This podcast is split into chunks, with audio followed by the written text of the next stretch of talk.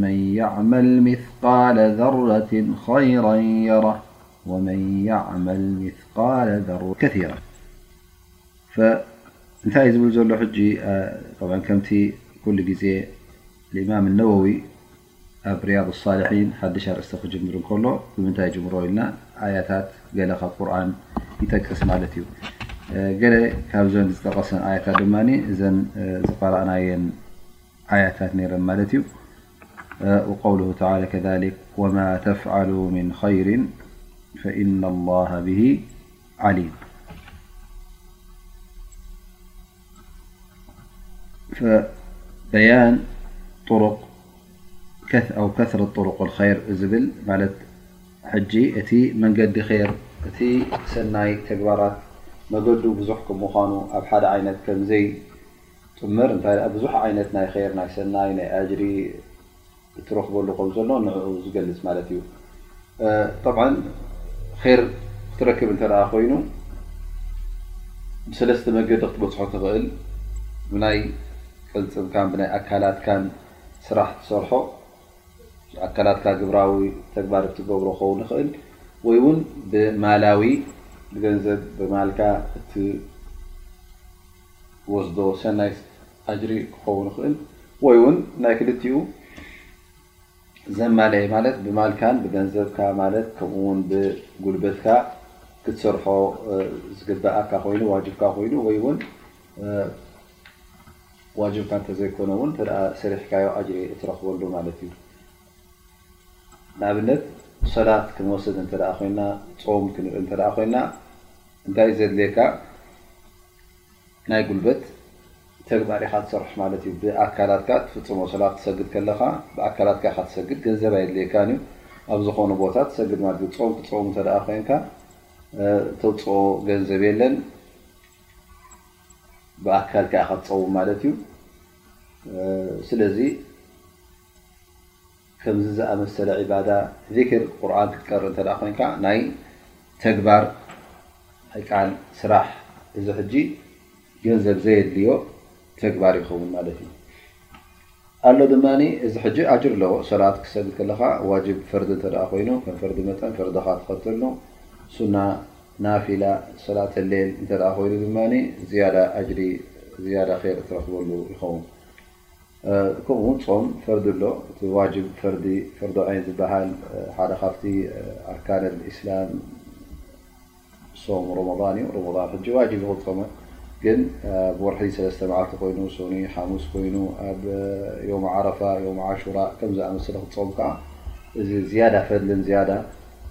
ኣጅሪ ትረኽበሉ ይኸውን ስለዚ እዚ ሕጂ ናይ ጉልበት ዒባዳ ናይ ጉልበት ኣጅሪ ትረኽበሉ ሰናይ ትረኽበሉ ይኸውን ኣማ ናይ ማላዊ ተግባር እንተ ኮይኑ ኣብ ምንታይ ይድምደም ኣብ ሰደቃ ምሃብ ኣብ ዘካት ምውፃእ ሕጂ ነፈቃ ክትገብር ገንዘብ እቲ ዋጅብ እንተ ኮይኑ ከምቲ ዝበልናዮ ዘካት ከምቲ ኣላ ስብሓን ወተዓላ ዝኣዝዞ ክልተን ፍራቅን ካብ ሚእቲ እንተ ናይ ንግዲ ኮይኑ እቲ ገንዘብካ ቁሙጥ ገንዘብ እንተ ኮይኑ ናይ ወርቅን ብሩርን ጥረ ገንዘብን እንተ ኮይኑ ክልተ እንተ ኣልካ ሚእቲ ትኸፍለሉ ናይ ካልእ ዓይነት ናይ ጥሪት ናይ ዘራእቲ እንተ ኮይኑ ድማ ኩሉ ነናቱ ኣለዎ ማለት እዩ። እዚ ሕጂ ክፍሊት ብገንዘብ ብማልካ እትረኽበሉ ኣጅሪ ይኸውን። ከምኡ ውን ካልእ ዓይነት ነፈቃ ኣሎ ንስድራ ቤትካ ንደቅኻ ነዝማድካ እንተ ትህቦም ኮንካ ወይ ከኣ ነፈቃ ሊላህ ኢልካ ፊ ሰቢሊላህ ንሙጃህድ ንጂሃድ ዝኸይድ ዝካፈል ሰብ እንተ ትህብ ኮይካ ገንዘብ ንደምህር ሰብ ንቁርን ዝዕልም እንተ ትኸፍል ኮይንካ እዚ ኩሉ ሕጂ ኣብ ምንታይ ይኣቱ ማለት እዩ ኣብ ናይ ማላዊ ዒባዳ ብማል እትረኽቦ ብገንዘብካ እትረኽቦ ኣጅሪ ይኸውን ማለት እዩ። ሓድሓደ ግዜ እውን ብኽልቲኡ ክትቃለስ ትኽእል ኢኻ፣ ብኽልቲኡ ክትሰርሕ ትኽእል ኢኻ ብማልን ብኣካላትካን ማለት እዩ። ነዚ ክጠቕሱ ከለዉ ሕጂ ይብሉ ጠብዐን ሓጅ እንተ ርእናዮ ሕጂ ሓጅ ክትሕጅጅ እንተ ኮይንካ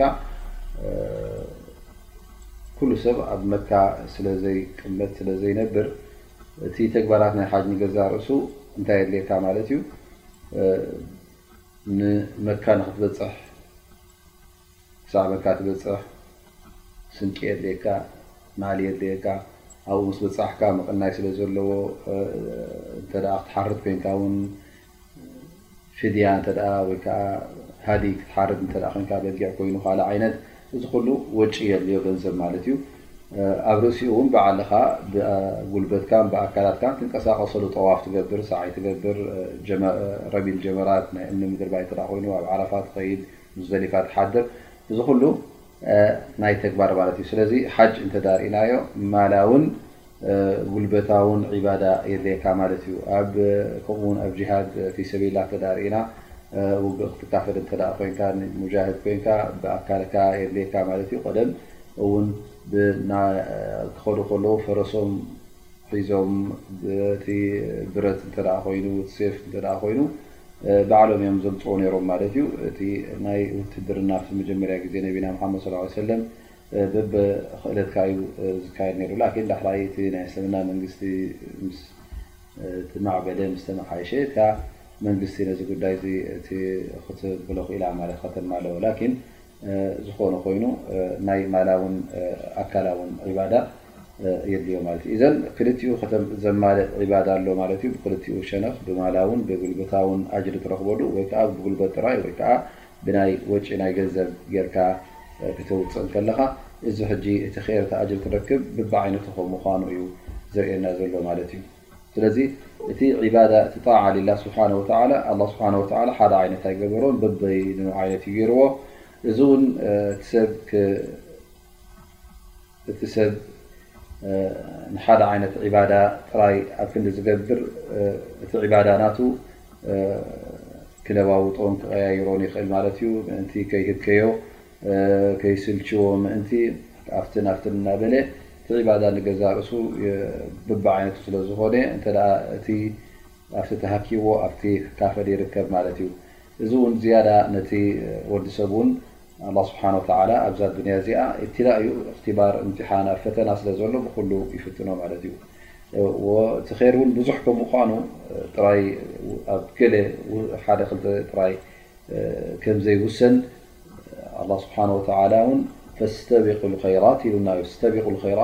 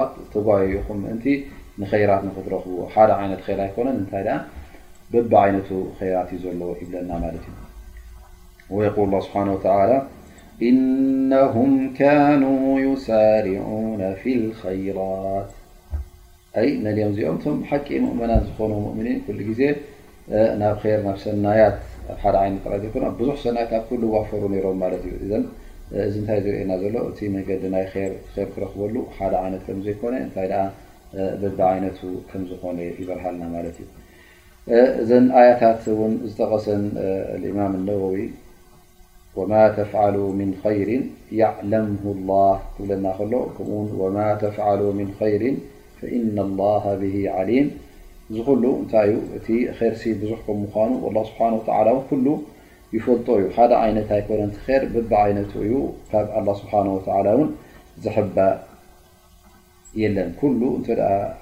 ጌርካዮ ገሊኡ እንተ ኣማሊእካ ክሳዕ ክንደይ ሰሪሕካ በየናይ በየናይ ኣበየናይን ከትሳተፍ ኔርካ ኣላ ስብሓን ወተዓላ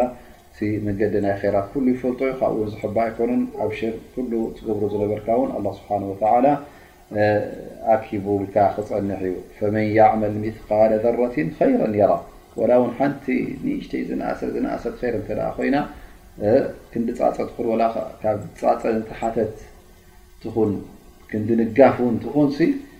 ኣላ ስብሓን ወተላ እታ ር ዝገበርካያ ከፅንሓልካ እዩ ማለት እዩ እቲ ር ንገዛእ ርእሱ ውን ኣሎ ዓብይ ኣሎ ውን ንእሽተይ ኣሎ ውን ደቂቕ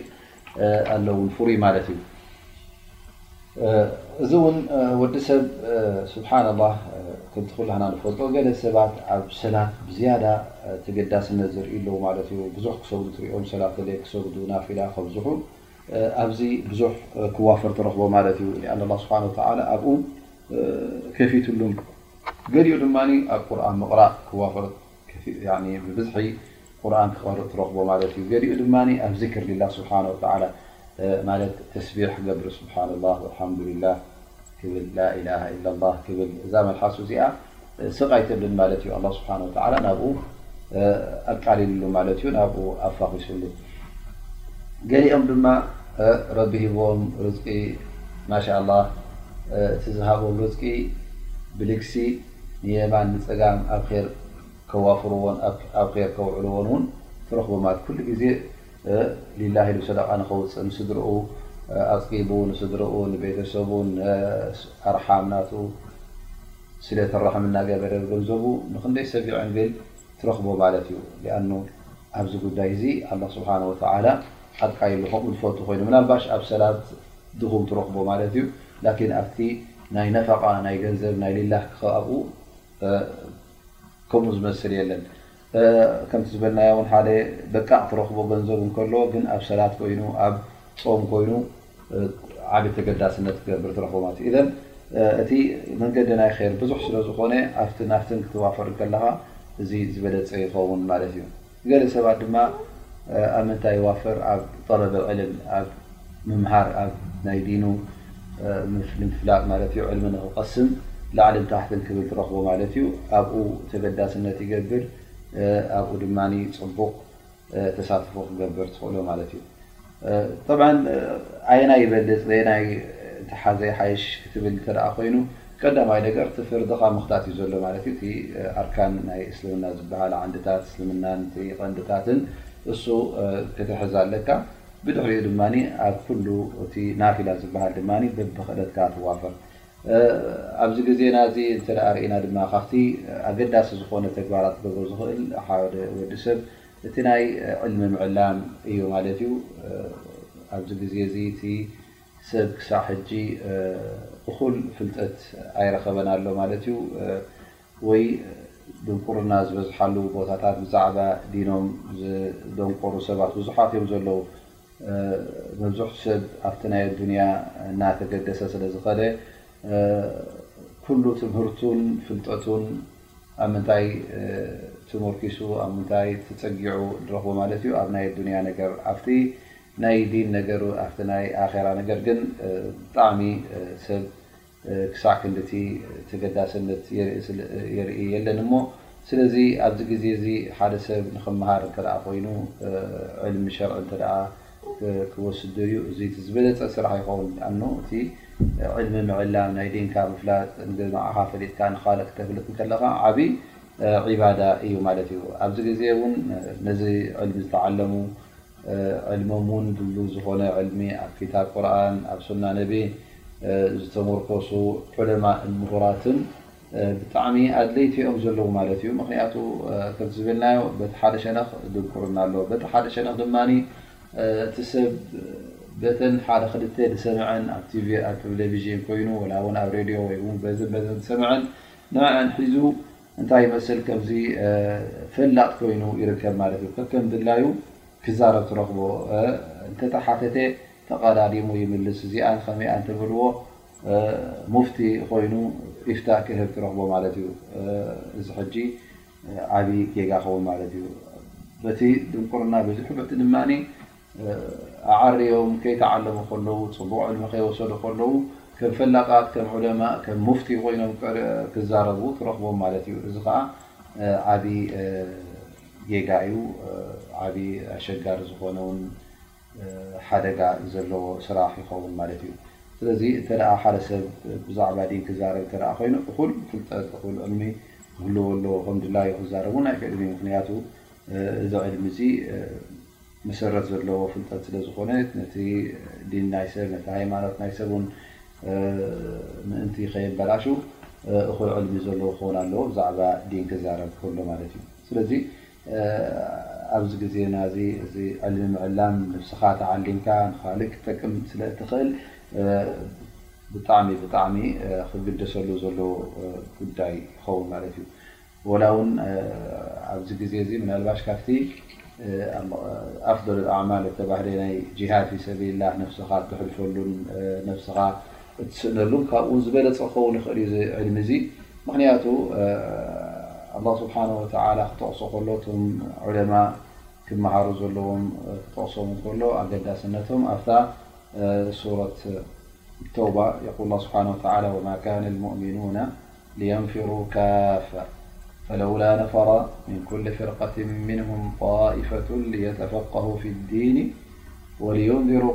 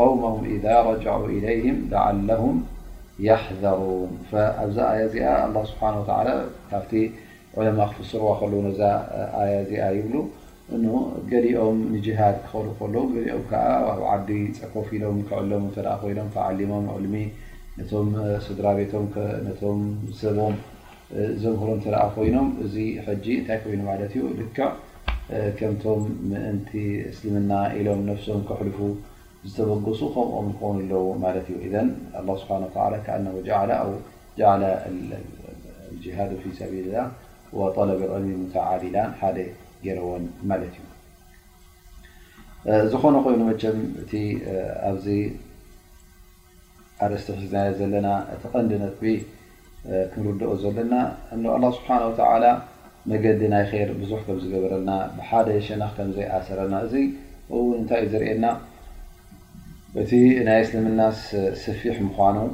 ስፊሕ ኮይኑ ድማ ንወዲ ሰብ ክቃለለሉ ከም ዝኽእል ምናልባሽ ከምቲ ዝበልናዮ ሰባት ኩልኹም ጥራይ እዛ ስራሕ እዚኣ ወይ ከዓ እዚአን ክልተ ኣርባዕተ ሓሙሽተ ዓይነት ዓሰርተ ዓይነት ስራሕ ጥራይ እየን ዘለዋ ንሰን ጥራይ ክስራሕ ኣለዋ እንተዝበሃል ነይሩ ምናልባሽ እቲ ሰብ ይስልችዎ ይኸውን ይህከዮ ኩሉ ግዜ ሓደ ዓይነት ንክሰርሕ ላኪን እቲ ዓይነታት ናይ ኸይር ክባዛሕ እንከሎ እቲ ሰብ ድማ ኣብ ኩሉ ክዋፈር እንከሎ ሕጂ ነናቱ ክእለት በብናቱ ክእለት ገይሩ በብናቱ ስምዒት በብናቱ ደስ ዝበሎ ኣብኡ እናመረፀ ምስ ግዚኡ ዝኸይድ ምስ ክእለቱ ዝኸይድ ስራሕ ናይ ኸይር ይመርጽ ማለት እዩ ኣላ ስብሓን ወተላ በትን በትን ኣይዓፅወካን እዩ ኣብ ግዜ ነቢና ሓመድ ለ ላ ለ ሰለም መፅኦም እውን ንነቢና ሓመድ ለ ላ ሰለም እንታይ ሎሞ ያ ረሱሉ ላ ዘሃበ ኣህል ድር ብልእጁር ያ ረሱላ ላ እቶም ገንዘብ ዘለዎም ሰባት ኣጅሪ ኩሉ እቲ ኣጅርታት ሰኪሞም ኮይዶም ምክንያቱ እዞም ሰባት እዚኦም ከማና ይሰግዱ ከማና ይፀሙ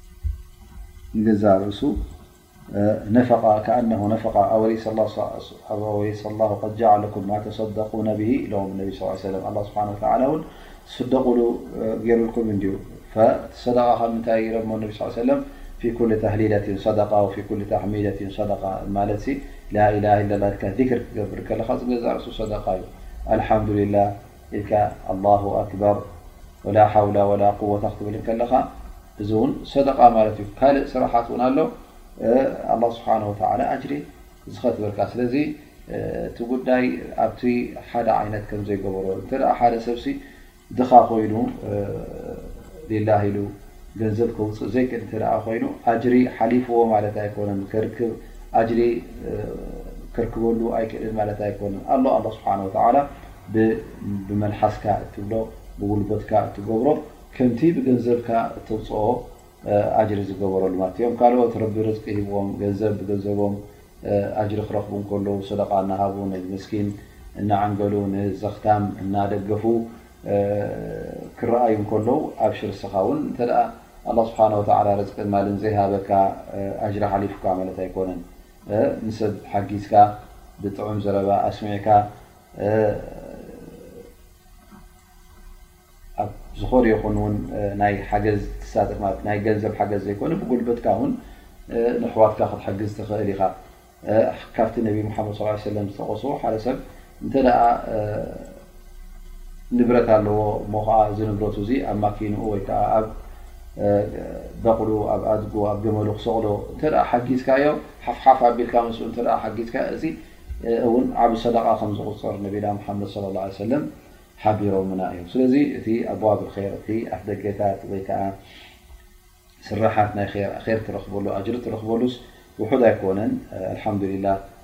ኣብዚ እስልምና ብዙሕ ገይሩልካ እዩ እስልምና ሳሃል ሙየሰር ገይርዎ ዩ ረቢ ንኹሉ ዝኸውን ማለት እዩ ኢደን ከምቲ ዝበልናዮ ኣብቲ ኣብዚ ግዜና ድማ ብዝያዳ ዘደሊ ዘሎ ከምቲ ዑለማእ ዝብልዎ ዕልሚ ክትመሃር ዕልሚ ናይ ሸርዒ ንክትፈልጥ ብጣዕሚ ብጣዕሚ ኣድላይ ይኸውን ማለት እዩ ምክንያቱ ኣብዚ ግዜና እዚ ንሰምዕ ኣለና ንሕና ውን ንርኢ ኣለና ዘይፈልጥ ሰብ እፈልጥ እየ እናበለ ደላዩ ክዛረብ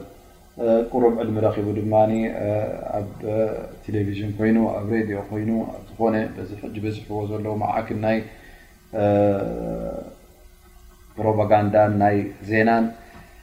ኣብ ኢንተርኔት ኮይኑ ኣብ ካልእ ዓይነታት ናይ ሸሪዓ ወይ ከዓ ናይ ዕልሚ ዝወሃበሉ ክንደይ ሰብ ኣሎ ወላ ዕልሚ ዘይብሉ ከሎ ዕልሚ ኣለኒ ኢሉ ክዛረብ ይርከብ ፈትዋ ኢፍታ ክህብ ይርከብ ስለዚ እቲ ሰብ ንገዛእ ርእሱ ነብሱ ኣብ ጌጋ ከይወድቕ ብዙሓት ሰባት ውን ዘጋግዩ ስለ ዘለዉ ከየጋግይዎ ንነብሱ ኮይኑ ንቤተሰቡን ንስድርኡን ንህብረተሰቡን ንክኸውንሲ ዕልሚ ክዕለም ኣለዎ ማለት እዩ እቲ ሓቅን ጌጋን ምእንቲ ክምሚ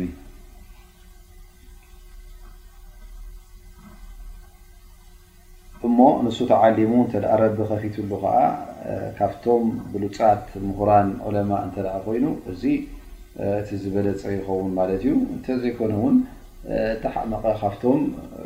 ዕልሚ ዘለዎም ሓያል ዕልሚ ዘለዎም ብዲኖም እተፈልጡ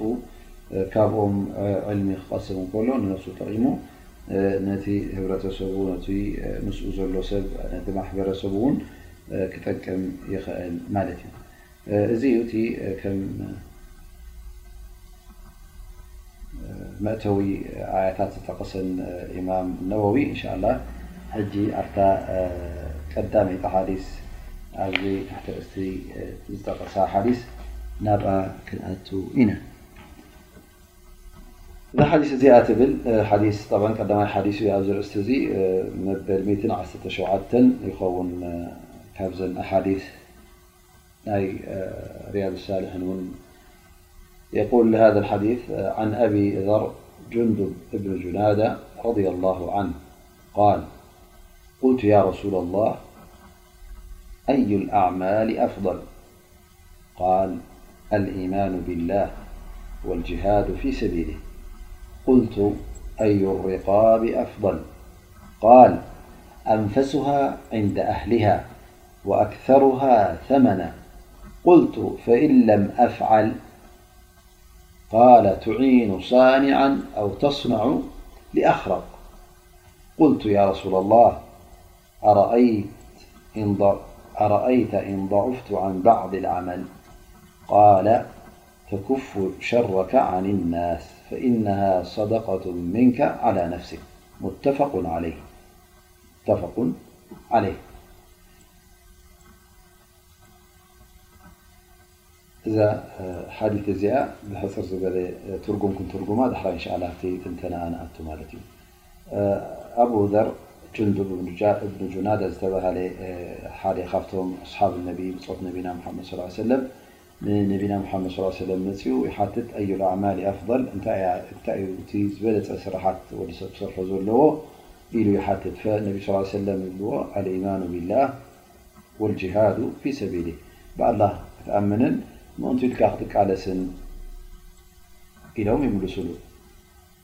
ድሕሪኡ እውን ካልኣይ ሕቶ ይሓትት ቃል ኣዩ ሪቃቢ ኣፍል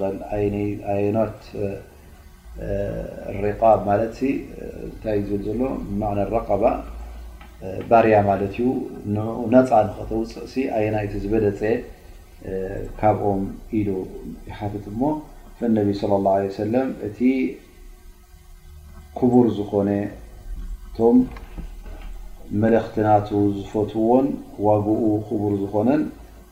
እሱ እዩ ኢሎም ይምልሱ ነቢ ሙሓመድ ስ ላ ሰለም እሞ ነዚ ነገራት እዚ እንተዘይገበርኩ ወይ ከዓ ነዚ ክገብር እንተዘይከኣልኩኸ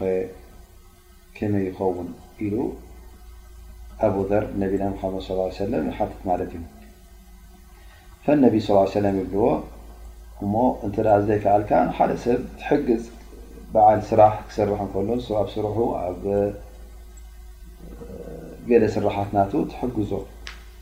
ወይ እውን ሓደ ሰብ ዘይክእል እንተ ርኢኻ ንኡ እውን ትዕልሞ ወይ ከዓ ተምህሮ ማለት እዩ ተስናኡ ሊኣኽራ ክሰርሕ ዘይክእል ሓደ ነገር ንኣብነት ሓደ ሰብ ግራት ኣለዎ ክሓርስ ማዓ ክሓርስ እንተ ዘይክእል ኮይኑ ኣብ ማሕረስ ትሕግዞ ማለት እዩ ክሓልብ ዘይክእል እንተ ኮይኑ ግን ትሕለብ በጊዕ ትሕለብ ላማ ኣላቶ ክሓልባ ዘይክእል እንተ ኮይኑ ትሕግዞ ማለት እዩ ከምዚ ገርካ ትሓልብ ኢልካ ትርእዮን ትሕግዞን ማለት እዘን ንዝኽእል ኣብቲ ዝኽእሎ ምስኡ ተሳቲፍካ ትሕግዞ ዘይክእል እተ ኮይኑ ከዓ ንኡ ትሕግዞ ትርእዮ ማለት እዩ ከመይ ገይሩ ከም ዝሰርሕ ማለት እዩ እንታይ ሓትት ኣረኣይታ ኢንضዑፍቱ ን ባዕዲ ዓምል እሞ እዚ ከምዚ ዝበልካ ንሉ ንኩሉ ክገብሮ ተዘይከኣልኩኸ ኣብ ገለገለ ስንፈት ተረከብኩኸ ወይከዓ እንተዘይገበርክዎኸ ከመይ ይኸውን ኢሉ ይሓትት ቃል ተኩፉ ሸረከ ዓኒ ናስ ንሰባት ካብቲ እከይ ናካ ኣርሕቆም እንተ እከይካ ሕማቕካ ኣብ ሰብ ዘይበፅሐ ኣብ ሰብ ዘየብፃሕካዮ እዚ ንገዛእ ርእሱ ንዓኻ ሰደቓ እዩ ዝቑፀረልካ ኢሎም ነቢ ሰለላሁ ዓለይሂ ወሰለም ይምልሱ ማለት እዩ። ኣብቲ ስፍሕ ዝበለ ትንተና ክንሓልፍ እዚ ሓዲስ እዚ ጦበን እንተ ክንሪኦ ከለና ቀዳማይ ነገር ነቢ ሰለላሁ ዓለይሂ ወሰለም መልሲ እዮም መሊሶሞ ኣቡደር ምስ ሓተተ ማለት እዩ ኢዘን እዚ ገዛእ ርእሱ ሕቶ እዩ ነይሩ እቶም ብፆት ነቢና ሙሓመድ ለ ላه ለ ሰለም ተገዲሶም ይሓቱ ነይሮም ማለት እዩ ነቲ ጉዳይ ናይ ዲኖም ብዝያዳ ዝጥቀምሉን ዕልሚ ዝረኽብሉን ኣብ ሰኼር ኣብ ሰናይ ኣብ ዝለዕለ ደረጃ ዘብፅሖምን ክሓቱ ከለዉ ድማ እቲ ዝበለፀ ክግበር ዘለዎ እንታይ እዩ ያ ረሱለላህ ኢሎም ይሓቱ ማለት እዩ። እዚ ሕቶ እዚ ድማ ጥራይ ንምፍላጥ ኣይኮነን እንታይ ደኣ ክሓቱ ከለዉ ንኸተግብሩ ኢሎም እዮም። ሰሓባ ምስ ሓተቱ ያ ረሱለላህ እንታይ እቲ ዝበለፀ ስራሕ ኢሎም እንተ ሓቲቶም እሞ ኸዓ ተነጊርዎም ንነቢ ሰለላሁ ዓለይሂ ወሰለም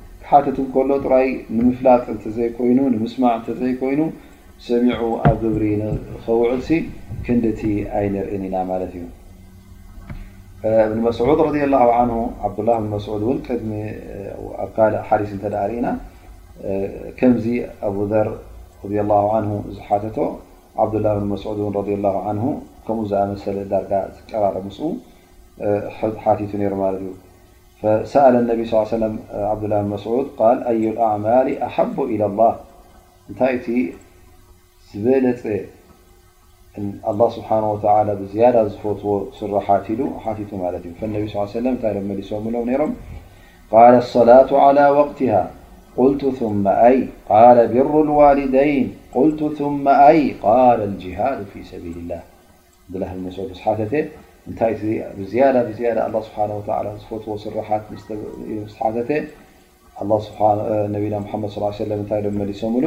ኣሰላቱ ዓላ ወቅትሃ ሰላት ኣብ ወቅታ ኣብ ግዜኣ ክትሰግዳ ከለኻ እዚ እዩ እቲ ዝበለፀ ስራሕ ኢሎም እነቢ ስ ሰለም እሞ ድሕሪኡ ኸ እንታይ ይመፅእ ቃለ ቢሩ ልዋሊደይን ንወለድኻ ምኽባር ንወለድኻ ፅቡቅ ጌርካ መሓዝ ንወለድኻ ምክንኻን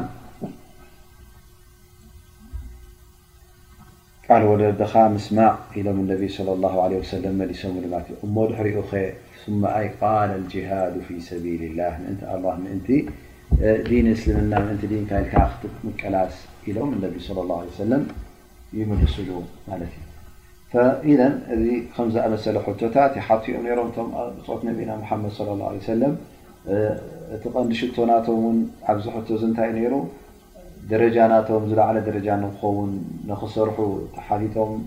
ተመሊስሎምሲ ነቲ እተመለሰሎም ኣብ ግብሪ ንከውዕሉ ይጓየዩ ነይሮም ማለት እዩ። ቀዳማይቲ ሕቶ ዝሓተታ እነቢ صለ ላه ለ ሰለም መሊሶምሉ ንኣቡዘር እቲ ዝበለፀ ስራሕ ኣዩል ኣዕማል ኣፍضል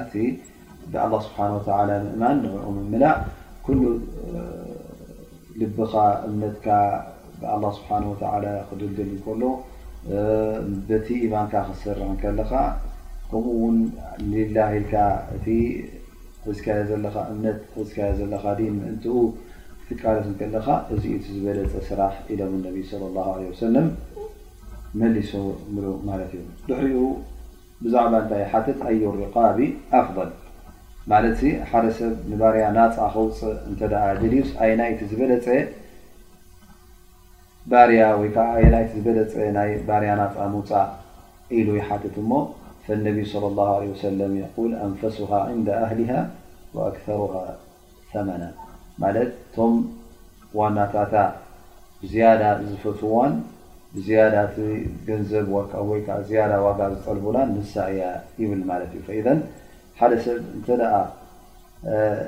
ዝኾነ ይኹን ነገር ከውፅእ እንተ ኮይኑ ሊላሂ ኢሉ እንተ ክህብ ኮይኑ እንታይ ክመርፅ ኣለዎ ማለት እዩ? እቲ ዝበለፀ ኣብ ኢዱ ዘሎ እቲ ዝሓሸን እቲ ዝኸበረን ከውፅእ ከሎ እዚ እቲ ረቢ ዝፈትዎ ማለት እዩ። እሞ እንተ ሓደ ሰብ ባሮት ኣለዎ ኮይኖም ነዞም ባሮት እዚኦም ናፃ ከውፅኦም እተ ዝደሊ ኮይኑ ወይ ውን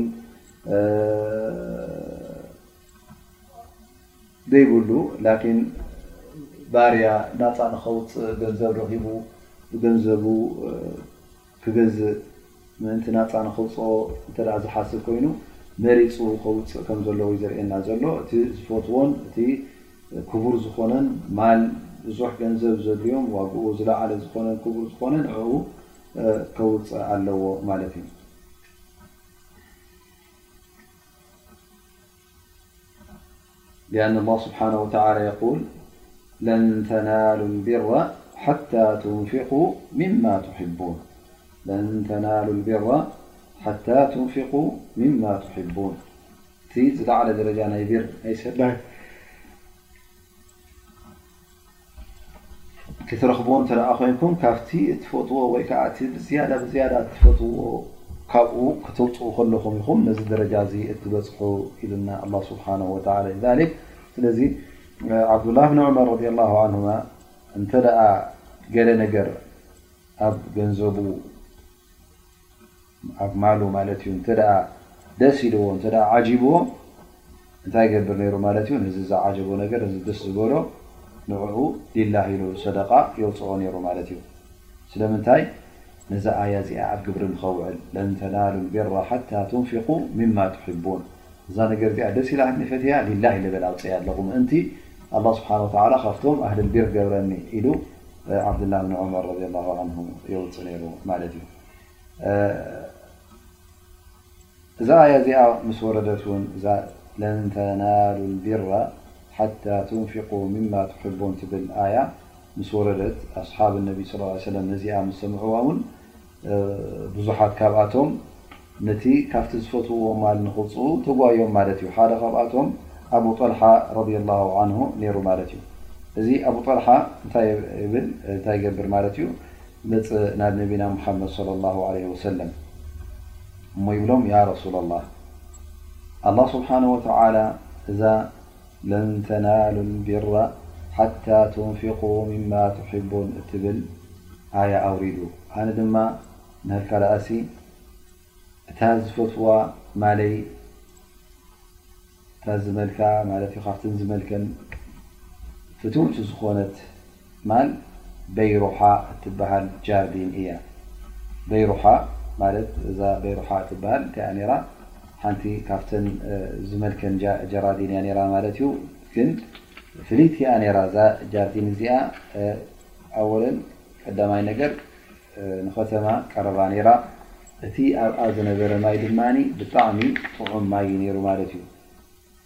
ነቢ ስለ ላ ለ ሰለም እውን ካብ መስጊድ ነቢና ሓመድ ስ ሰለም ርሕቕቲ ነበርትን ናብኡ ኮይዶም እውን ካብቲ ማያ ይሰትዩ ነይሮም ምክንያቱ ማያ ጥዑም ምኡዝ ስለ ዝነበረ ኣብጠልሓ ይብል ያ ረሱላ ላ ኣነ እታ ዝፈትዋ ማለይ እዚኣ እያ እሞ ኣነ ድማ ነዛ ዓያ እዚኣ ኣብ ግብሪ ንኸውዕልሲ ሊላ ኢለ ከውፅኣ ሰደቃ እደሊ ኣለኹ ኢሉ ናብ ነቢና ሙሓመድ ሶለ ላሁ ዓለይሂ ወሰለም ይመጽእ ፈይብሎም ፈዳዕሃ ያ ረሱለ ላህ ሓይቱ ሽእት ኣነ ድማ ኣብ ቅድሚኻ ነልካ ኣቕሪበያ ኣለኹ ኣብ ደስ ዝበለካ ከመይ ገይራ ከመይ ገይረ ከም ዘውጽኣ ንገረኒ እሞኒ ኣብ ደስ ዝበለካ ኣዋፍራ ኢሉ ነቢና ሙሓመድ ሶለ ላሁ ዓለይሂ ወሰለም ይዛረቦም ማለት እዩ ፈነቢ ሶለ ላሁ ዓለይሂ ወሰለም በኺን በኺን ኢሎም ብጣዕሚ ደስ ኢልዎም ማለት እዩ ነቢ ስ ሰለም እዚ ዝሰርሖ ስራሕ ብኡ ተገሪሞም ድማ ማል ራብሕ ማል ራብሕ እዚ ዩ ዝረብሐ ማል እዚ ዩ ዝረብሐ ማል ኢሎም ነቢ ለ ላ ሰለም ይምልስሉ ማለት እዩ ምክንያቱ ብጣዕሚ ተሓጒሶም እዚ ሰብ እዚ ካብቲ ዝፈትዎ ማሉ ሊላ ኢሉ ስለ ዘውፅዐ ሽዑ እነቢ ስለ ላ ሰለም እንታይ ዝብል ርእቶ ይብዎ ኣነ ናተይ ርእቶ ክትወስ እንተ ኮይንካ እዛ በይሩሓ እዚኣ ሊላ ኢልካ ኣፍቶም ቤተሰብካ ኣፍቶም ኣዝማትካ ንዕኦም ሃባ ቶም ድኻታት ዝኾኑ ቶም መሳኪን ዝኾኑ ንዕኦም ሃባ ኢኻ በቲ ሰደቓ ይኾነልካ ሊላህ ኢልካ ኣውጺእካዮ በቲ ድማ ኣሕዋትካን ስድራቤትካን ስለ ዝኾኑ ንዕኦም ውን ሲለት ራሒም ጌርካሎም ማለት እዩ ስለዚ ንዕኦም ተሃብካያ ዝበለጸ ኢሎም ኣነቢ ስ ሰለም ዝርእቶ ይህብዎም ማለት እዩ ከምታ ዝበሎ ከምታ ነቢ መሓመድ ሰለላሁ ዓለይሂ ወሰለም ዝበሎም እውን እዚ ሰብ እዚ ነዛ ጃርዲን ናቱ ነዛ ዝዘርኣላ ዝነበረ ይህባ ማለት እዩ እሞ እንታይ ዘርእየና እቶም ብፆት ነቢና መሓመድ ሰለላሁ ዓለይሂ ወሰለም ኣብ ኼራት ይጓዩ ስለ ዝነበሩ ናብ ሰናይ ናብቲ ዝለዓለ ኼር ዝኾነ ስራሓት ንዕኡ ንክሰርሑ ይቀዳደሙ ከም ዝነበሩ እዩ ዘርእየና ማለት እዩ። ከምኡ ውን ዳሕራይ እሞ ያ ረሱለላህ ኢሉ ሓትት ማለት እዩ እዚ ኩሉ እንተዘይረኸብኩኸ ነዚ እንተዘይፈፀምኩኸ ቃለ ትዒኑ ሳኒዐ ንሰብ ሓግዝ ሓደ ሰብ ገለ ነገር ዝሰርሕ እተ ሪኢኻዮ ኣብ ስርሑ መፅእካ ሓገዝ ከድልዮ ከሎ ሓግዞ ኢኻ ብጉልበትካ እሞ ኸኣ ሓደ ውን እናሰርሐ ከሎ ነቲ ስራሕ እንተ ዘየፅፍፎ ኮይኑ ዘይክእሎ እተ ኮይኑ ጉደት ዘለዎ እተ ኮይኑ ንዕኡም ከመይ ገይሩ እተ እሞ ኸዓ እስኻ ክእለት ኣለካ ኮይኑ ካብኡ ዝያዳ ክኢላ እተ ኮይንካ ካብቲ ክእለትካ ኣካፍሎ ኣምህሮ ሓግዞ ኢኻ እዚ ንገዛእ ርእሱ ክትሕግዝ እንከለኻ ንሰብ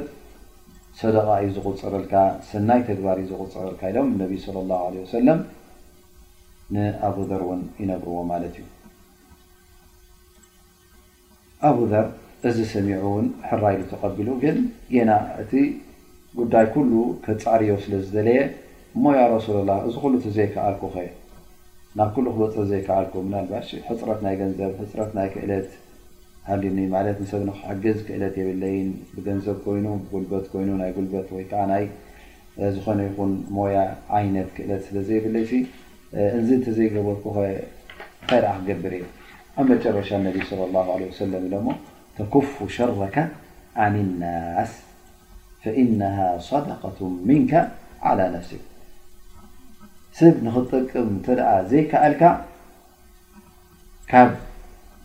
ንሰብ ንምጉዳእ ዓዲ ውዓል ኢዮም ዝብሉ ዘለዉ ነቢ ስ ሰለም ኩፍ ተኩፉ ሸረካ ዓኒ ናስ ምክንያቱ እንተ ኣብ ሰብ ኣለካ ማሕበረሰብ ኣብ ዓዲ ምስ ሰብ ስሕባትካ ምስ ኣለካ ኮንካ እንተ ክትጠቕሞም ዘይከኣልካስ ኣይትጉድኣዮም ማለት እዩ ግዴታ ወዲ ሰብ ምስ ሰብ ስለ ዝነብር ናይ ግድን ርክብ ኣሎ ማለት እዩ። ስለዚ ኣብዚ ርክባትካ እዚ ካብ እከይካ፣ ካብ ሕማቕካ፣ ካብ ጉድኣትካ ንሰብ ኣድሕን። እንተ ከፈይተሁም ሸረክ እከይካ፣ ሸርኻ እንተ ካብኡ ኣገላጊልካዮም እዚ ንገዛእ ርእሱ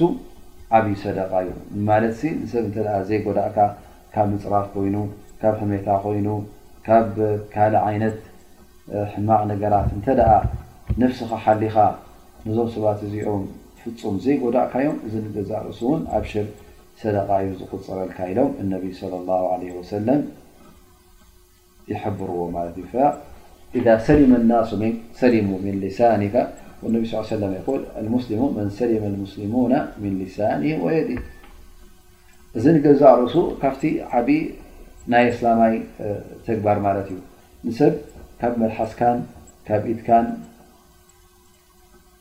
ናፃ ከተውፅኦ ከለኻ እዚ ንገዛእ ርእሱ ዓብዪ ተግባር እዩ፣ ዓብዪ ኣጅሪ ዘለዎ ስራሕ እዩ ማለት እዩ። ዘይትጓዳእ እንተ ኮይንካ ሰለማዊ እንተ ኮይንካ ንሰብ ካብ ኩሉ ሕማቓት ተግባራትካ እንተ ኣገላጊልካዮ እዚ ንገዛእ ርእሱ ንዓኻ ውን ሰደቃ እዩ ዝቑፀረልካ ኢሎም ነቢ ስለ ላ ለ ወሰለም ንኣቡዘር ይሕብርዎ ማለት እዩ። በዚ ናይ ሎማዓልቲ ደርስና